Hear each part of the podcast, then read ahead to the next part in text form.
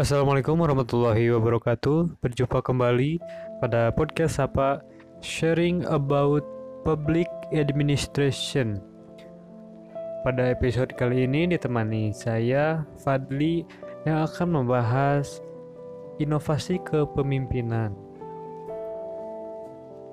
Inovasi kepemimpinan adalah filosofi dan teknik yang menggabungkan gaya kepemimpinan yang berbeda untuk mempengaruhi karyawan untuk menghasilkan ide, produk, dan layanan kreatif.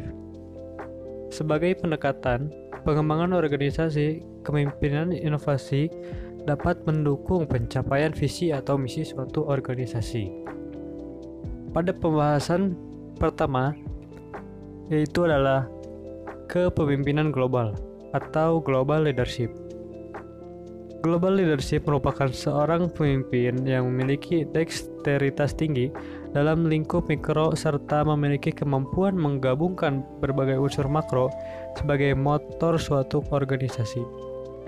Karakteristik utama seorang global leadership adalah kemampuan mengambil keputusan dan memberikan solusi global.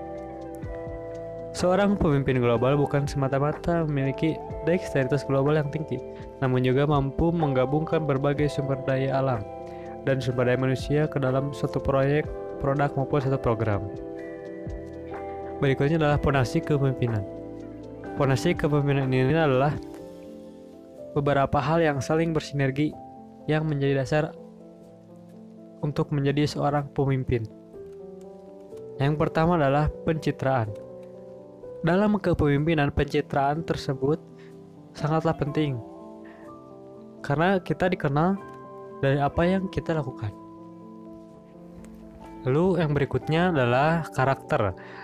Nah, karakter ini penting juga karena tanpa adanya karakter yang kuat di dalam diri kita, maka janji atau impian kita untuk menjadi seorang pemimpin hanyalah sekedar omong kosong.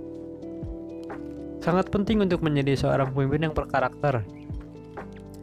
Karakter utama dari pemimpin adalah tegas, action, simpatik, luas, jujur, bersemangat, dan yang lainnya. Berikutnya komunikasi. Menjadi seorang pemimpin, kita bakal banyak membicarakan mengenai ide jalan keluar dan lain sebagainya. Kemampuan berkomunikasi harus dibangun dengan benar dan kita juga harus bisa membedakan lawan bicara kita. Yang berikutnya adalah tentunya keberanian ya. Lalu yang berikutnya adalah neo karisma, inspirasi dan hubungan dengan pengikut. Pada awalnya, Max Weber memperkenalkan konsep karisma pada awal tahun 1920-an. Dan sejarawan sosial yang bernama James McGregor Burns memperkenalkan kembali dan menyempurnakan teori, meluncurkan penyelidikan berbasis empiris. Sejak saat itu, peneliti mengembangkan konsep karisma untuk konteks organisasi.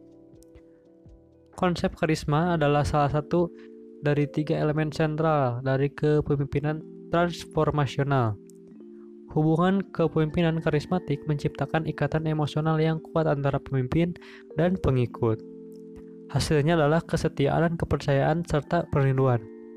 Pengikut terinspirasi untuk menerapkan visi pemimpin, loyalitas, dan rasa hormat yang kuat mendefinisikan hubungan karismatik membuka jalan untuk melakukan perubahan yang besar. Pemimpin karismatik adalah pemimpin yang memiliki efek emosional yang mendalam pada pengikut mereka. Pengikut melihat pemimpin tidak hanya sebagai bos, tetapi sebagai panutan dan pahlawan dari kehidupan. Pengikut melihat pemimpin tidak hanya sebagai bos, tetapi sebagai panutan dan pahlawan dari kehidupan. Karena kepemimpinan karismatik dihasilkan dari interaksi dan relasi antara pemimpin dan pengikut, para pengikut pemimpin tersebut umumnya menampilkan karakteristik tertentu tanpa karakteristik karakteristik pemimpin dan pengikut, tidak akan ada hubungan karismatik yang dapat terbentuk. Pemimpin karismatik mampu menghubungkan pengikut mereka dengan visi mereka sendiri. Para peneliti menyarankan bahwa pemimpin karismatik mengubah persepsi pengikut tentang sifat apa yang perlu dilakukan.